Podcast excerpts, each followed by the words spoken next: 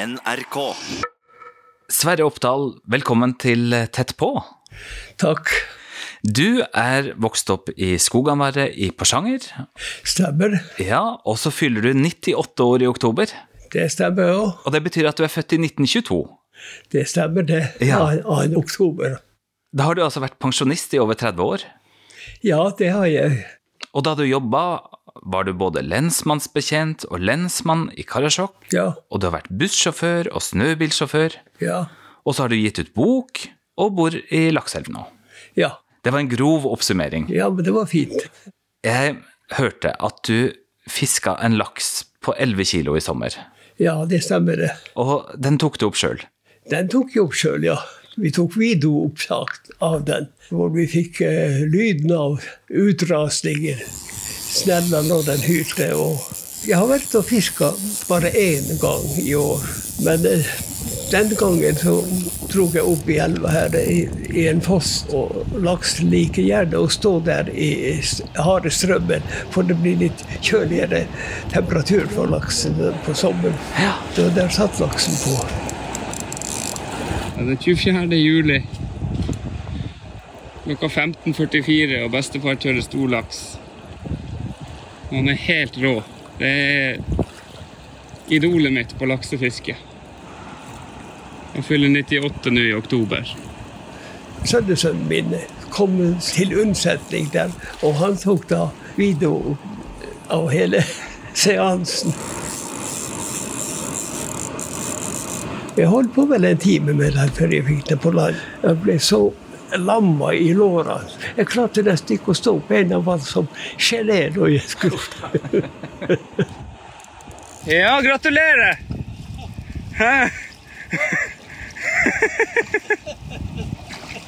Nei, jeg har fått mye laks. Den største var på 24,5 kilo. Og den nest største var 19 kilo. På ett døgn kunne vi få en 10-12 laks på, på ett døgn. På to mann, f.eks. Jøss. Hvor kommer du fra? Hva, hva hva er din eh, bakgrunn? Ja, jeg er født i, i Skogavallet på et eh, småbruk hvor vi hadde opptil tre kyr, og så hadde vi sauer og høns og hest. Og vi var seks søsken, og jeg var den eldste. Jeg jo, kom jo tidlig i den her, at jeg hadde følte ansvar for småbruket, skulle jobbe. Og jeg var den eneste som lærte samisk da jeg var barn. Ja. Vi hadde norsk i hjemmet vårt. Vi hjalp jo mange. Det var jo slik at det var stor fattigdom, og, og vi visste hvem som trengte hjelp. Og da måtte vi bare For folk er jo en gang ærekjære. De vil liksom ikke de vil klare seg. Men vi så jo det at det var jo store familier på fire-fem unger, og de hadde ikke melkedråper i huset, så da måtte vi jo hjelpe. Og far min han var en sånn generalist. Han kunne alt. Han kunne være lege, og han kunne være alt mulig. Og han var, han var jo sekretær for det folket der som ikke beherska skrivekunsten. Og han fikk jo forresten kongens fortjenestemedalje for det, han hadde utført i den tida. I nabohuset der var en flyttsamme familie hvor mannen hadde slutta med reindrifta pga. alder og forskjellige ting. Og så fikk de melding at dattera deres hadde dødd der i teltet under barsel. Og så hadde de to jenter igjen, og hun, hun bestemora hun fikk beskjed om at hun måtte komme og hente de jentene. Og hun var jo en eldre dame allerede da. Men hun gikk faktisk de tre bilene, og så fikk hun en kløvrein, en stor havrein, og tok de to jentene hjemme til skogen. Og på grunn av bosettingen den, så var det, var det dem jeg lekte med. Det var en, en slags tvungen opplæring i samisk for de, De kunne ikke norsk, ikke et ord. Nei. Ikke et ord. Jeg lærte samisk så godt, og det hadde jeg hatt som grunnlag. Faktisk like godt som de fleste av de innfødte. Yes. Så det betyr at du lærte deg samisk fordi at du hadde samiske lekekamerater? Ja. Det var ingen bevisst tanke fra dine foreldre Nei, utover ikke, det? ikke, ikke, ikke noe på, påvirkning sånn. Nei. Fikk du skolegang? Nei, jeg gikk på skolen i Lakselv i 1930. Da spaserte vi den søndagen fra Skogavarre, en tremils vei, Så mor hadde sydd sånne vi kalte for komager med tilberedt kobberskinn. Og jeg husker da vi gikk ned, så sa mor at jeg måtte ikke gå på grusveien, for da ville komageren slites ut. Det var jo tolv ukers skole inntil tre, tredje klasse, og 14 uker fra fjerde til syvende klasse. Akkurat. Ja, I året.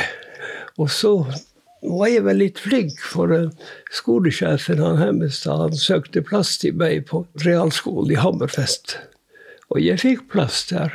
Men jeg hadde ikke penger til klær og, og sånt, der, så, så visste ikke hvor jeg skulle få hus. Og, og det ble til at mamma sa at Sverre han var så flink på skolen, han trenger ingen utdannelse, sa mamma. Oh, ja. Det var jo også behov for meg på, på gården der som eldste. Og det gjorde jo sitt til at eh, når jeg skulle på konfirmasjon her i Porsanger, så kunne jeg ikke reise dit fordi at eh, det var akkurat i vårådda. Og jeg måtte jo være til stede. Så jeg søkte om å få gå konfirmasjon i Karasjok. Og det fikk jeg ca. 20 pynta, koftekledde gutter og jenter. Og jeg kom i norske klær. Som den eneste, eller? Nei da, det var en til. Så vi fikk unngjelde det at vi var, når vi var kledd sånn. Den konfirmasjonen varte fra januar og til påske, for på den tiden skulle reindriftsbarna iallfall de måtte være konfirmert før de reiste til sommerbeite. Det ble jo en to og en halv måned å gå på konfirmasjon, og det var, det var nokså lenge. det. Og sognepresten han brukte bare samisk, og de elevene snakka bare samisk. Og jeg lærte jo mer. Ble, for meg ble det en god konfirmasjon i Karasjok. Absolutt. ja da. I ettertid, etter konfirmasjonen, så har jeg spurt de her stødige karene som jeg stolte på. Nei, de sa at de hadde så lyst til å lære norsk, så de kunne gjøre seg forståelige når de ble voksne. Men de lærte aldri norsk, så de følte seg som mindreverdige når, de, når de ble voksne og skulle kommunisere med på norsk. Sånn var det. Og hvis jeg går litt videre ut fra den tida, så kom jo krigen og tyskerne. Så ble jo skolen rasert. Og etter krigen så kom jo skolen i Karasjok i normale former igjen. For da ble det lyst ut lærere. Og, og det var jo bare norsktalende lærere. Men det var en Karasjok-gutt. Han ble lærer tidlig i 50-årene. Han eh, ble jo ansatt i Karasjok, men han trivdes ikke der. Han fikk jobb i Oslo, så han for dit. Og, sånn var det mange av de innfødte Karasjok-ungdommene. De ble jo utdanna sykepleiere og, og, ingeniører og offiserer. og så Veldig flinke folk. Det er jo ikke noen kommune som har så mange spesialister i legevitenskap, leger som i Karasjok. Var du i Skogambar under, under, krigen? Ja, under hele krigen var jeg i Skogambar. Ja da. For en gang holdt jeg på å bli skutt, eller, eller kunne bli skutt. De engasjerte jo folk via arbeidskontoret i, som var i Porsanger. Skrev ut alle ungdommer, eller ikke alle, men alle arbeidsføre, til å melde seg. Og vi var seks stykker som ble sendt på fjellet for å stikke ut torv som ble brukt til isolasjon når de bygde fryseri. Tyskerne bygde fryseri i Lakselv. Og så begynte de å bomme, de her allierte fra hangarskip. Og de bomba da flyplassen. Og av og til så slapp de lysbomber, slik at kanonene ikke kunne se dem. Og da kunne de bomme ganske presist. Og da rømte jeg fra det arbeidet jeg hadde hatt for skogen vår. Og jeg fikk være i fred veldig lenge. Det gikk veldig fint. Men så plutselig, i, i februar, så kom uh, to politier, en norsk og en tysker, bevæpna i uniform, og arbeidsformann. For de hadde oppspurt at jeg hadde rømt, og de skulle hente meg. Ja, og det var jo veldig Det var nesten en sånn standrett der. Jeg måtte forklare meg. Jeg har ikke rømt. Jeg er på arbeid. Jeg går i linjepatrulje mellom Alta og Skogavar. Ja, kunne jeg bevise det? Ja, sa jeg, det kan jeg. Jeg hadde legitimasjonskort. Men den hadde jo fått mest det var fred. ja. ja, god, god, sa tyskeren. Du skal bare fortsette å patruljere, og så slapp jeg. Jøss. hadde du tenkt gjennom den planen på forhånd? Nei, det ikke, ikke på forhånd. Men jeg hadde tatt vare for, for det legitimasjonskortet. Det var et, et minne, faktisk. Ja. Et godt minne. Etter noen lange år med krig, så kom jo freden, da. Ja. Hva gjorde du da, da, da freden kom? Nei, da jeg var jo Vi ble jo evakuert. Og det var en stygg affære, det.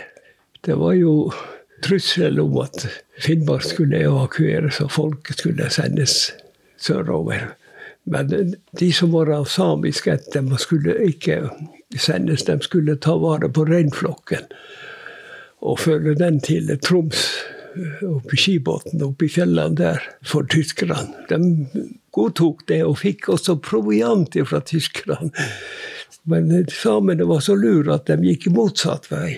De tok reinflokken og for mot Helligskogen, som er oppe i Anarjokka, øverst oppe i eh, Karasjokka der. Grense. Finland. grense. De for dit med den reinflokken.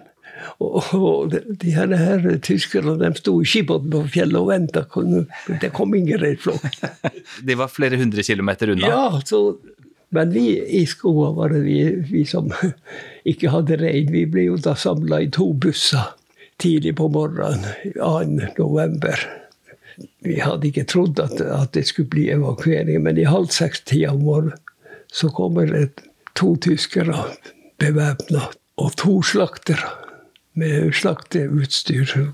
Og det var jo klar hensikt at de skulle ta, oss, og, og slakterne skulle gå løs på buskapen. Det var en trist stund, det der, og vi ble jaga da over, også inn i to busser og sendt sørover. Det gikk jo veldig sakte, for det var jo så mye tyskere og russefanger som var på retrett østfra. Gikk etter riksveien. Det var jo tett pakka med russefanger og, og, og motorkjøretøy og alt mulig. Som, det var som en sirup som, som seig sørover. Og det var en, en trasig reise. Og så, så kom vi da til Alta klokka halv tre-tre om morgenen. For sjåførene trengte å hvile. Og så kom, på morgenen så kom det to mannfolk på gården der. Og de gikk på høylåven. Og så kom de med en likkiste. Og så fortalte de til fara det her er søstera deres sin likkiste. Tyskerne har drept henne i natt, natta før ut. Og det folket, de var den typen, de laga sine egne lik, likkister og, og, og lagra dem på låven. Så det var hennes likkiste, det. Hun var serveringsdame på en institusjon der. Og så var det da med denne den, sørover. Det gikk veldig sakte, men så kom vi helt til Burfjord utafor Finnmark. I Kvænangen. Ja, Kvænangen, ja. Der var en stor brakke som var anordnet for evakuerte, hvor evakuerte kunne ta inn og vente til at det kom båtskyss til Tromsø. På ettermiddagen neste dag så, så kom det to ishavsskuter. Og de ble fylt med evakuerte, så det vagga bare. Vet du, havet var speilblankt, det var så stille at jeg er sikker på at hvis det hadde vært bølger, så hadde vi ikke kommet frem. Og så over Lopphavet, hvor det pleide å være bølger. Det var helt stille. Og så kom vi da til Tromsø, og der ble vi ført opp til eh, domkirka. Der hadde de tatt ut alle benkene, så det var bare prekestolen og sakristiet som sto, og ellers var det tomt. Og der fikk vi da eh, anvist eh, gullplass under prekestolen. Så fikk vi da båtskyss da til Mosjøen. Og fra Mosjøen var vi med tog til Lillehammer. Og fra Lillehammer var det buss til Gjøvik. Så fikk vi da beskjed om at vi skulle til Grua På Hadeland. på Hadeland. Ja. Men derfra ble vi flytta til Harestua.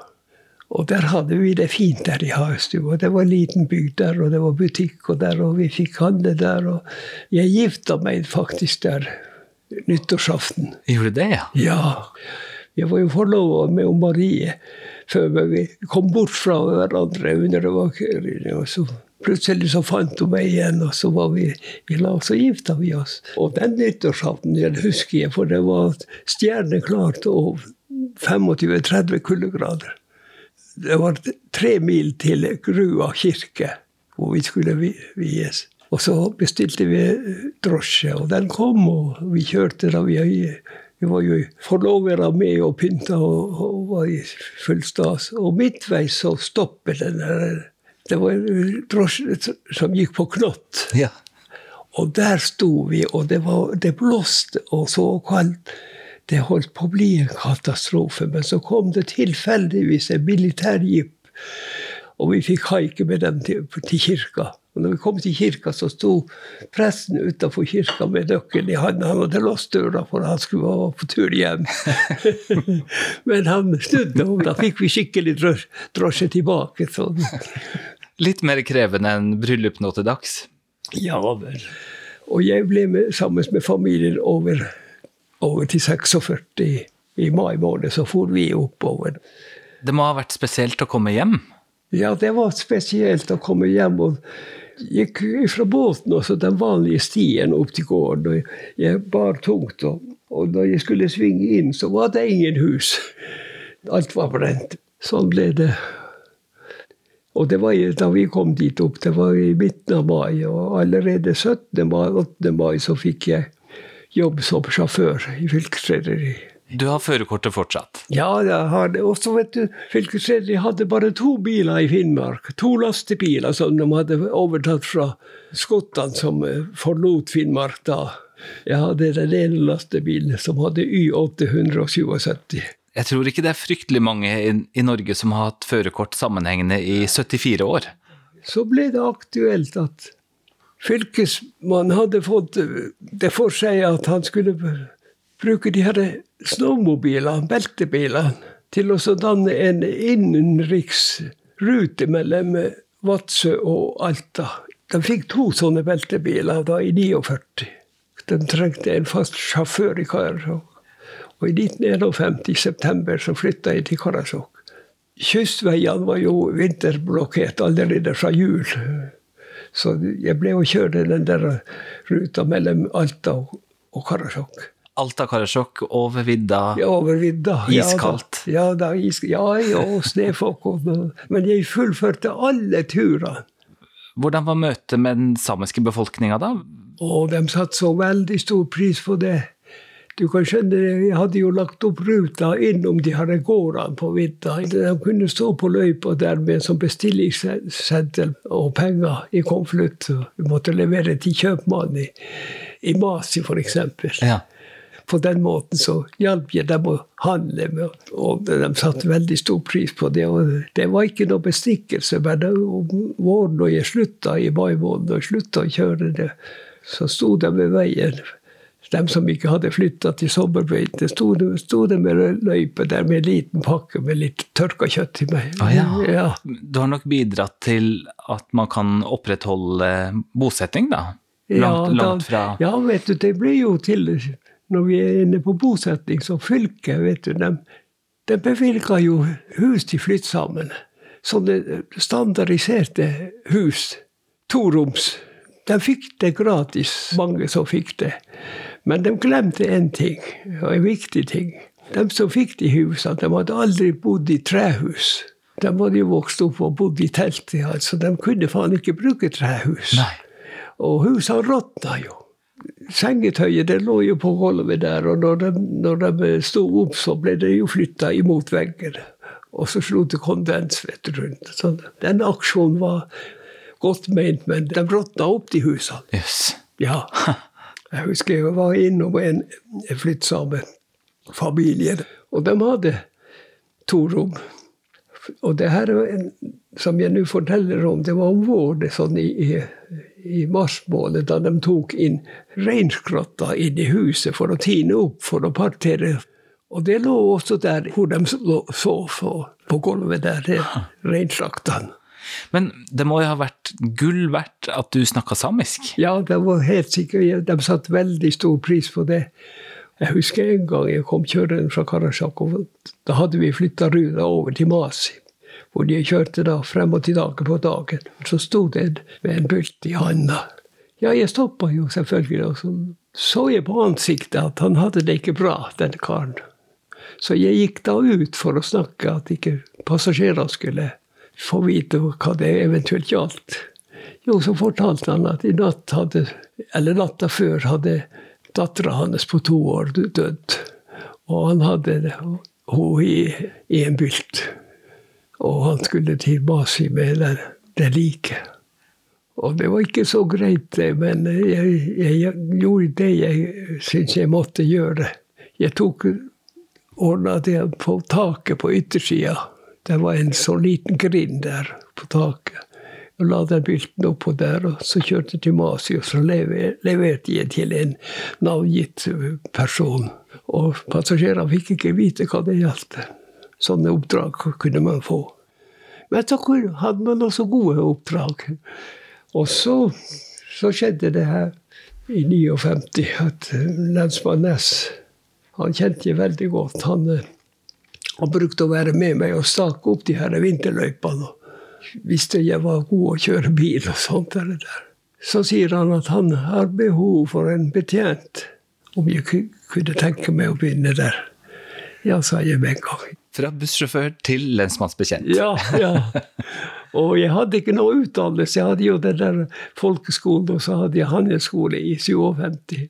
Men jeg tok jo etterpå politiskolen og avansementskurs, og fikk etter hvert en veldig god tjenestemannsutdannelse når det gjelder politisaker. Det å få fast jobb som lensmannsbetjent, ja. det må jo ha vært stas? Det var jo stas, vet du. Reiste med reinskyss. Jeg hadde en fast mann, en gaup som var min faste vapper, så han brukte bestandig, jeg brukte å bestille han når vi skulle på sånn ukestur. Han hadde sin rein, og jeg hadde min. Og så hadde vi en, en løsrein som dilta i tau, som reserve. Og så for vi fra, fra telt til telt på vidda. Vi kom da til et stort telt, og der var det fullt av folk der. Og så satt vi der og spiste kjøtt om kvelden, og så han jeg skulle ha tak i, han møtte blikket mitt. da. Og jeg Hannes, og vi satt nå en stund. Så gikk han ut. Det var jo tegn på at jeg kunne følge etter han. De andre skulle ikke legge merke til noe unormalt. Ja. Det var det for så vidt ikke heller, men det var steikende kaldt ute.